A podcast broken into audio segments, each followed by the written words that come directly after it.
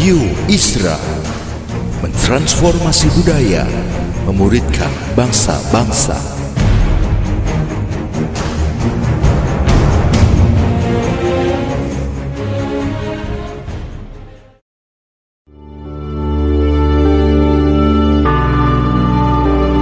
Apostolic Prophetic Messages mengungkapkan pesan dan arahan dari hati Tuhan bagi gerejanya demi menuntaskan mandat kerajaan Allah di Indonesia dan bangsa-bangsa. Selamat mendengarkan.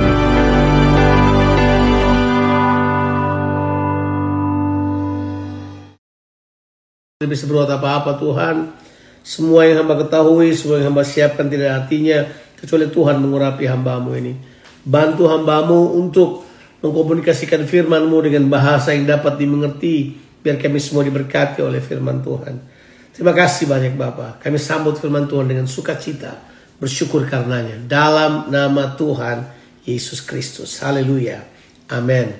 Amin. Haleluya. Puji Tuhan. Saya melihat semua saudara berbahagia. Praise God. Kita bersemangat, kita bersuka cita karena kebaikan Tuhan. Nah, nah uh, seperti saya katakan tema yang saya uh, ingin uh, bawakan akan berhubungan selalu dengan pertumbuhan atau dengan berbuah.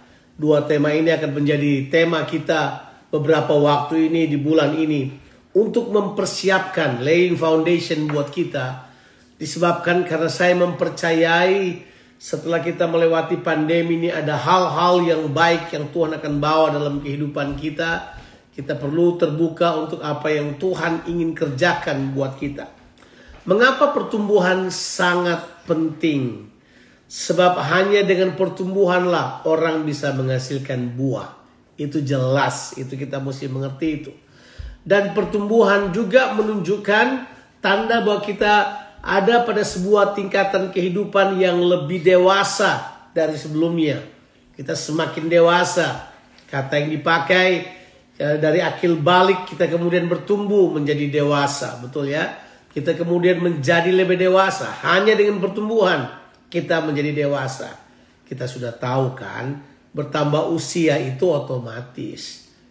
Jadi jadi tua itu otomatis, tapi menjadi dewasa itu adalah keputusan-keputusan yang kita ambil dalam kehidupan ini. Itu sudah pasti, itu sudah jelas. Nah, saya ingin membahas hari ini, kita akan membaca dari kitab Injil Lukas pasalnya yang ke-13. Kita akan baca ayat 6 sampai ayatnya yang ke-9. Hanya 8 ayat ini aja. Saya ingin membahas pada saudara untuk membahas eh, suatu topik yang saya sebut dengan menyerang kesia-siaan hidup. Menyerang kesia-siaan hidup. Sebab di dalam pertumbuhan rohani kita, di dalam kita bertumbuh di dalam Tuhan ada banyak interceptions, ada banyak apa itu uh, uh, saya sebut sebagai rintangan-rintangan, halangan-halangan yang yang datang dalam kehidupan kita dan itu akan menghentikan kita bertumbuh biasanya ya. Nah, kita akan membahas dari cerita ini adalah menyerang kesia-siaan hidup, ya. Itu itu itu adalah sebuah sebuah hal yang penting dalam kehidupan kita. Mengapa kita hari lepas hari harus menyerang kesia-siaan? Sebab kita tidak serang kesia-siaan, kesia-siaan akan kembali menguasai kita. Dan nanti saya akan tunjukkan pada saudara bahwa hal luar biasa bahwa Tuhan kita itu tidak menyukai kesia-siaan. Sebab manusia diciptakan dan kita sudah bahas di pertemuan-pertemuan sebelumnya bahwa waktu Tuhan pertama kali memberkati manusia, kata pertama yang Tuhan ucapkan kepada manusia sebagai kata berkat adalah be fruitful. Nah, itu kata dipakai. Be fruitful. So our God is a God of fruitfulness. Dia mau kita sebagai anak-anak Tuhan, kita sebagai orang percaya, sebagai warga kerajaan itu adalah menjadi orang-orang yang berbuah, fruitful. Itu adalah kata yang bagus. Uh, kita punya bahasa adalah Tuhan, God supports itu tuh fruitfulness. God backs up fruitfulness. Jadi jelas sekali bahwa Tuhan mengendaki hidup kita terus menghasilkan buah. Ya, setuju ya? Itu waktu dikata be fruitful. Terjemahan Indonesia langsung berurusan dengan eh, kayak melahirkan begitu seperti Indonesia berkata begini, beranak cuculah. ya. Ya, kata yang tepat adalah be fruitful sebenarnya. Ya, itu itu kata kita tahu parah itu. Be fruitful. Maksudnya saudara perlu penuh dengan buah-buah yang Tuhan inginkan. Haleluya. Mari kita bersemangat untuk menghasilkan buah. Coba kita baca sekarang Lukas 13. Yesus mengatakan perumpamaan ini. Seorang mempunyai pohon ara yang tumbuh di kebun anggur. Di kebun anggurnya. Dan ia datang untuk mencari buah pada pohon itu. Tetapi ia tidak menemukannya. Lalu ia berkata kepada pengurus kebun anggur itu. Sudah tiga tahun aku datang mencari buah pada pohon ara ini dan aku tidak menemukannya. Tebanglah pohon ini untuk apa ia hidup di tanah ini dengan apa? Percuma. Garis bawah itu. Untuk apa dia hidup di tanah ini dengan percuma? Jawab orang itu, Tuhan, biarkanlah dia bertumbuh tahun ini lagi. Aku akan mencangkul tanah sekelilingnya dan memberi pupuk kepadanya. Mungkin tahun depan ia berbuah. Jika tidak, tebanglah ia. Uh, di ending dari cerita ini ada harapan tapi juga ada ancaman kan. It's not ada harapan tapi juga ada ancaman. But saya tidak akan bahas itu, tapi kita akan membahas tentang bagaimana yang terjadi, bagaimana ceritanya dari kisah ini, ya. Kisahnya adalah ada seorang mempunyai pohon ara yang tumbuh di kebun anggur. Sudah salah tempat itu. Ara, pohon ara tumbuh di kebun anggur. Tentu sudah tahu itu salah tempat, salah tempat tumbuh. Jadi uh, dia mencari buah, tapi ia tidak menemukannya. Mungkin masalahnya kalau kita tanya, ngapain sih lu cari cari buah pohon ara di kebun anggur? Mungkin salah kali, nggak perlu kali. Faktanya begini. Makanya kita sebagai orang percaya, tidak ada alasan berkata begini, karena tempat saya, karena keadaan saya, karena lingkungan saya makanya saya nggak berbuah. Saya nggak berbuah karena suami saya jahat. Saya nggak berbuah karena istri saya galak.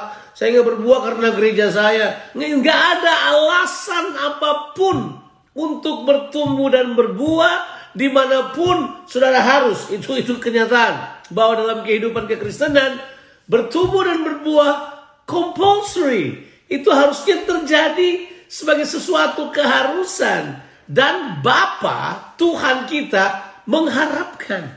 He expects fruit. Dia mengharapkan. He expects fruit. Dia mengharapkan buah. Dia mau ada buah. Dia bilang begini. Dia datang ke anggurnya. Ia datang untuk mencari buah. Selesai.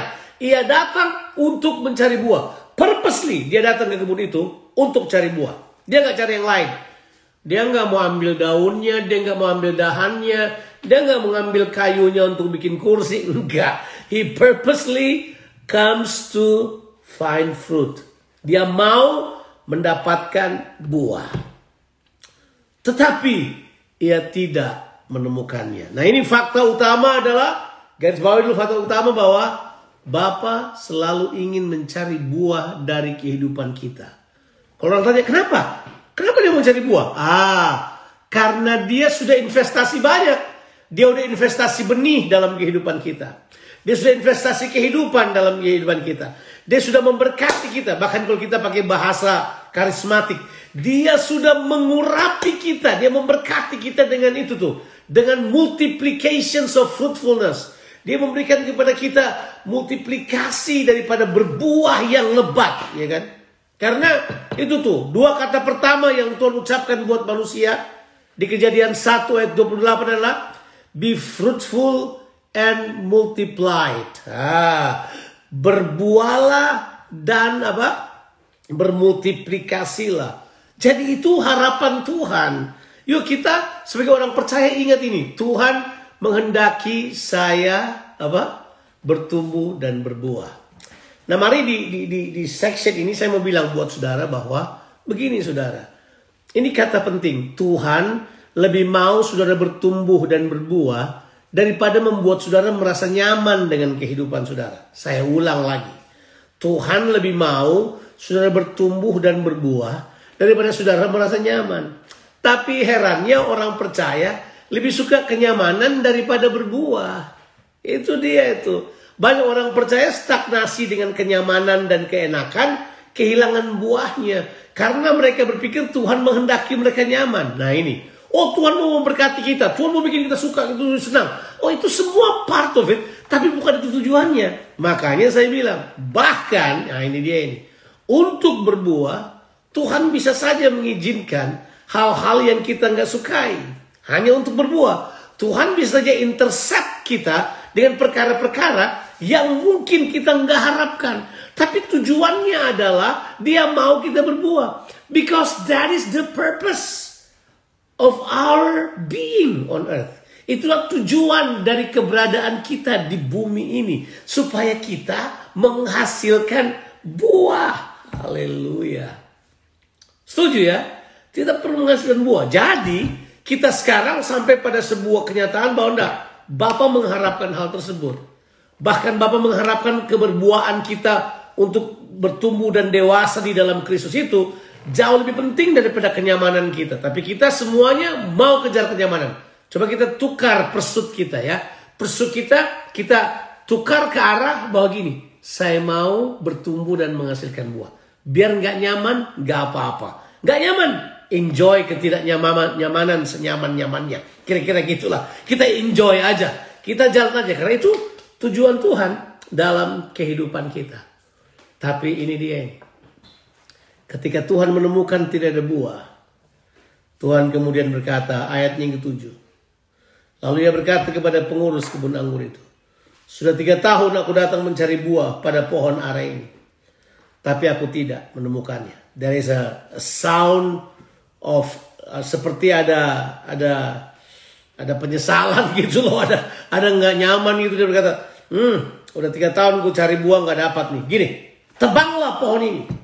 Untuk apa ia hidup di tanah ini? Dengan percuma. Wow! Percuma atau sia-sia itu adalah itu itu bukan Tuhan. Ya. Voidance, void itu bukan bukan yang Tuhan inginkan. Ya. Tuhan nggak mau itu. Ya. Tuhan nggak mau kita itu hidup sia-sia atau percuma. Ya kata kata sia-sia atau percuma itu dalam bahasa eh, kata Yunani kata akar katanya itu katergeo ya.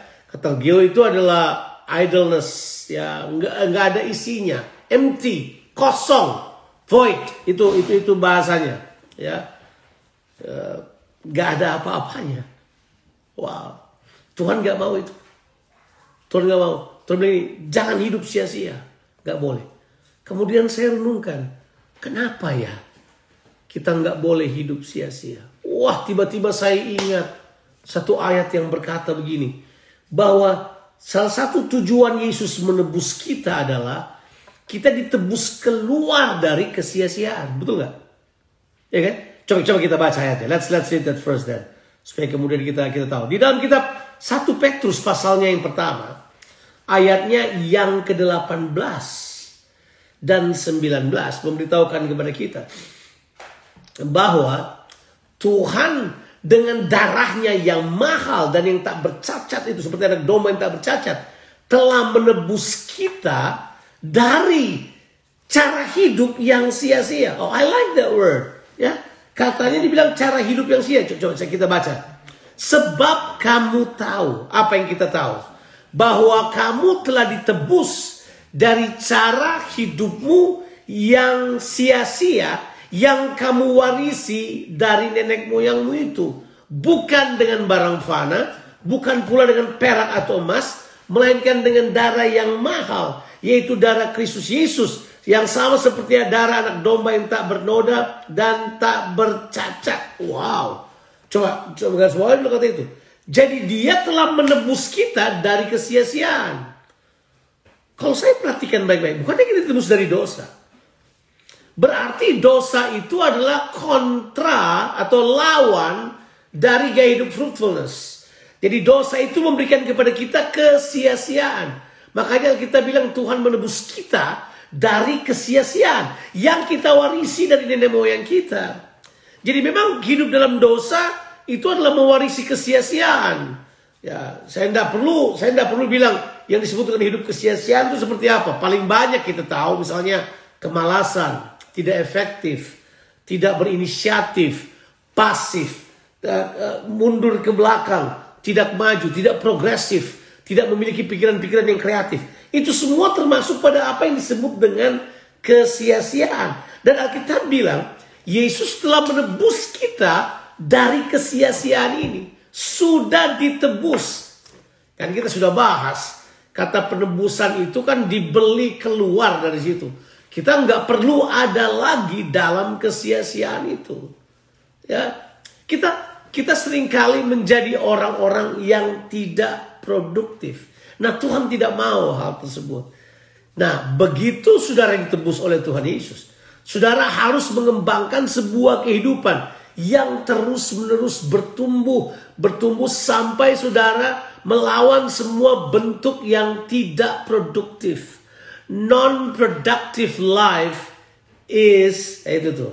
Itu kita sebut non-productive life is vanity, kesia-siaan. Kehidupan tidak produktif itu adalah kehidupan yang sia-sia. Cuman begitu aja, doing nothing, being nothing, nothing, nothing, nothing. Padahal Tuhan sudah tebus kita dari kesia-siaan. Wow, coba saudara pikirkan. Dapatkah saudara sungguh-sungguh itu memahami bahwa kita Tuhan mau kita produktif dalam kehidupan ini. Itulah sebabnya dia beritahu buat kita untuk apa hidup dengan percuma. Saudara, yuk mari. Saya tidak tahu kesia-siaan saudara apa. Saya nggak tahu kesia-siaan saudara apa. Saya nggak tahu Ya, yang saya tahu kesia-siaan saya. Saya tahu. Saya kalau sudah begitu bisa sia-sia. Saya kalau sudah buat itu bisa ambil waktu banyak misalnya itu bisa. Saya tahu saya tahu. Ada beberapa hal. Nah kita bilang kita harus avoid hal tersebut. Kita harus tinggalkan hal tersebut. Kita harus berhenti melakukan kesia-siaan. Sampai kita biarkan kesia-siaan. Misalnya berkata sia-sia berpikir sia-sia.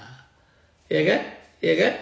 Ya, menggunakan waktu sia-sia, menyia-nyiakan waktu. Banyak sekali kita kemudian hidup dalam sebuah hidup yang saya sebut dengan kontraproduktif.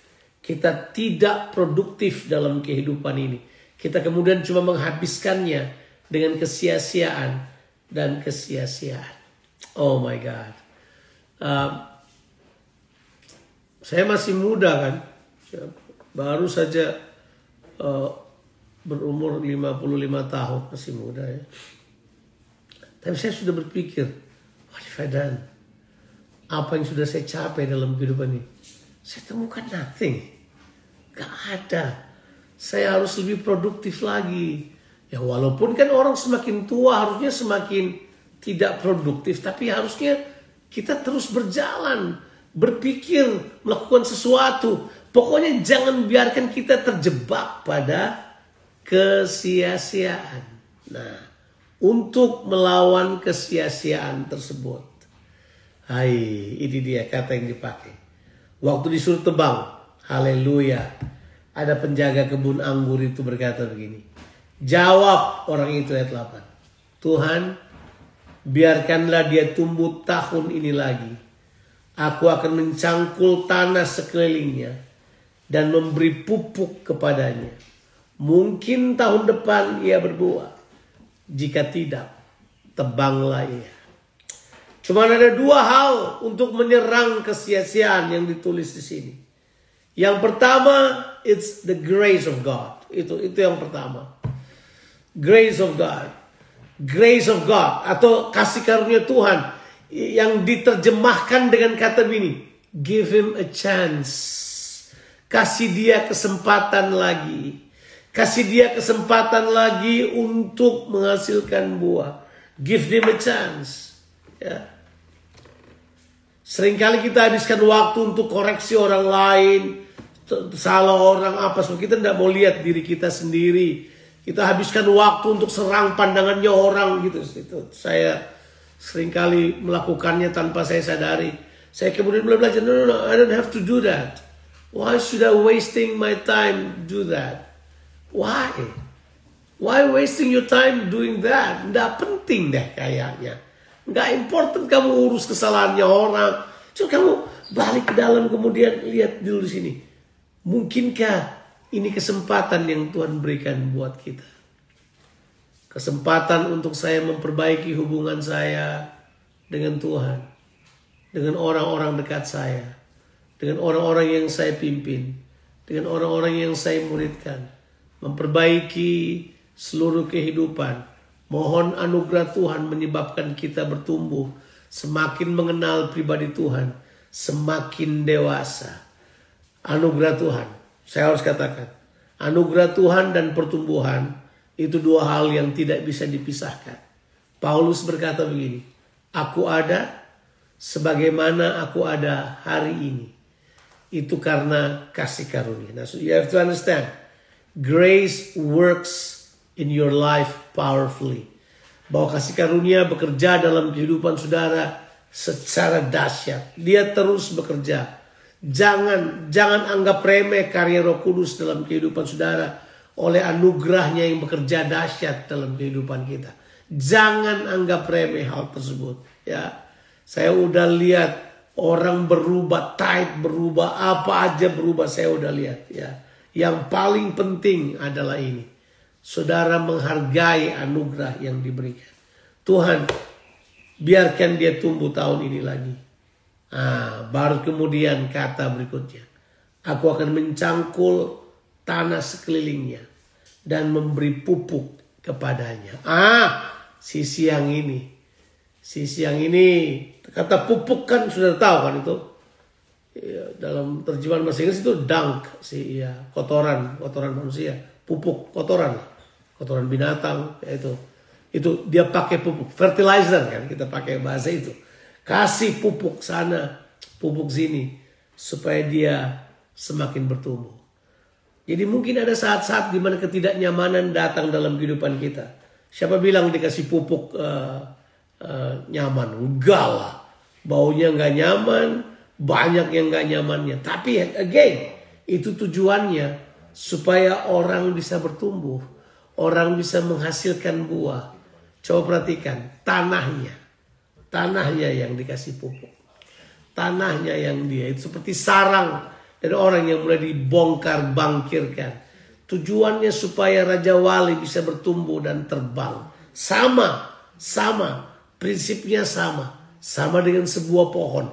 Digoyang sana, digoyang sini. Supaya muncul perkara-perkara yang dahsyat dari kehidupan kita. Kehidupan Tuhan Yesus Kristus. Coba mari kita kita kita lihat sebentar saja ini kasih karunia Allah tetap tersedia buat kita. Jadi jangan menyerah. Ah, saya gini-gini aja nih Bang Jo. Ya segini-gini aja, udah segini aja lah. Ya udah begini aja lah. Kan gini-gini aja. Jangan, jangan ya. Mari kita mengerti anugerah Tuhan akan memampukan kita untuk bertemu. Terus kerjakan hal tersebut. Anugerah Tuhan itu bukan cuma memberi kesempatan. Anugerah Tuhan itu empowers kita Anugerah Tuhan itu memberi kemampuan buat kita untuk bekerja keras. Karena anugerah Tuhan bekerja bersama dengan kita. Kalau orang suka bekerja keras, tidak usah khawatir. Anugerah Tuhan bekerja keras dalam diri kita. Dia membuat kita bekerja, berupaya, mengerjakan perkara-perkara yang ajaib. Kita perlu sampai pada titik itu. Kemudian kata ini, pupuk-pupuk. Pupuk-pupuk saya kira adalah ketidaknyamanan yang orang lain berikan buat kita. Kalau ada orang lain berkata fitnah saudara, ya pupuklah. Orang lain katakan yang bukan saudara, ya sudah jelas bukan saudara. Kenapa kita tersinggung ya? Tapi itulah kita, ego kita itu pupuklah, kena supaya kita lebih rendah hati, ya kan? Iya, iya. ya. Saya masih ingat pengen bereaksi salah. Ya, diberitahu bahwa saya begini, padahal saya nggak begitu. Pengen marah, tapi saya enggak lah, enggak. Pupuk, pupuk, bersyukur. bersyukur. Iya. Orang cerita di belakang, orang serang kita, kita tetap tenang aja. Tapi saya sudah bilang kok, di garam nggak ada orang yang cerita di belakang. Garam kalau duduk ngumpul-ngumpul makan-makan paling kita. Nggak ada yang cerita-cerita di belakang. Kita baik-baik semuanya. I love this community so much. Yang saya mau katakan adalah ini. Bahwa kadang-kala semua itu hanyalah pupuk. Harusnya kita reaksinya gini. Saya sudah bertumbuh atau belum? Saya sudah bertambah dalam Tuhan atau belum? Saya sudah mengarah ke tujuannya atau belum? Udah gitu soalnya. Tapi kemudian secara pribadi. Perhatikan beberapa hal ini. Apakah kita sering berpikir sia-sia? Apalagi kalau usia sudah mulai tinggi, pikirannya mau mati aja, jangan. Jangan. Kalau pikirannya mau pergi aja, jangan. Eh, hidup di bumi ini memberi buah. Tuhan mau kita menghasilkan buah. Haleluya. Yuk, embrace the grace of God. Kemudian izinkan pupuk-pupuk itu menyehatkan kita, bertumbuh kita. Expect, expect itu semua nggak nggak usah kemudian Oh saya nggak sangka loh dia begini. Semua kita bisa jadi pupuk pada yang lain. Udah nggak usah khawatir. Ya, ya memang seba, sebagian kita memang berbau pupuk. Tapi banyak juga yang memang memang pupuk. Jadi nggak apa-apa bergaul ya sudah enjoy aja. Karena kita saling memupuk satu sama lain. Kemudian bertumbuh di dalam anugerah Tuhan. Saya cuma mau katakan ini buat kita sekalian. Ini dia. Seranglah kesia-siaan. Cara pikir yang kosong serang. Perkataan yang sia-sia berhenti. Ada orang yang suka bikin joke, eh, ya berhentilah. Ada orang yang cuma mau menyenangkan orang lain, ya, ya berkata boleh menyenangkan orang lain. Tapi jangan jadi orang yang menjilat dan seterusnya sampai kata sia-sia yang harus kita keluarkan yang kita tidak bisa pertanggungjawabkan. Yuk kita, kita sebagai orang percaya mengambil waktu ini untuk bertumbuh bersama dengan Tuhan. Sia-sia? No. No. Kita nggak lagi. Saya nggak mau sia-sia. Hidup saya telah ditebus untuk menghasilkan buah di dalam Tuhan Yesus Kristus. Tuhan Yesus memberkati kita sekalian. Tuhan Yesus memberkati. Haleluya. Amin. Amin. Amin. God bless you.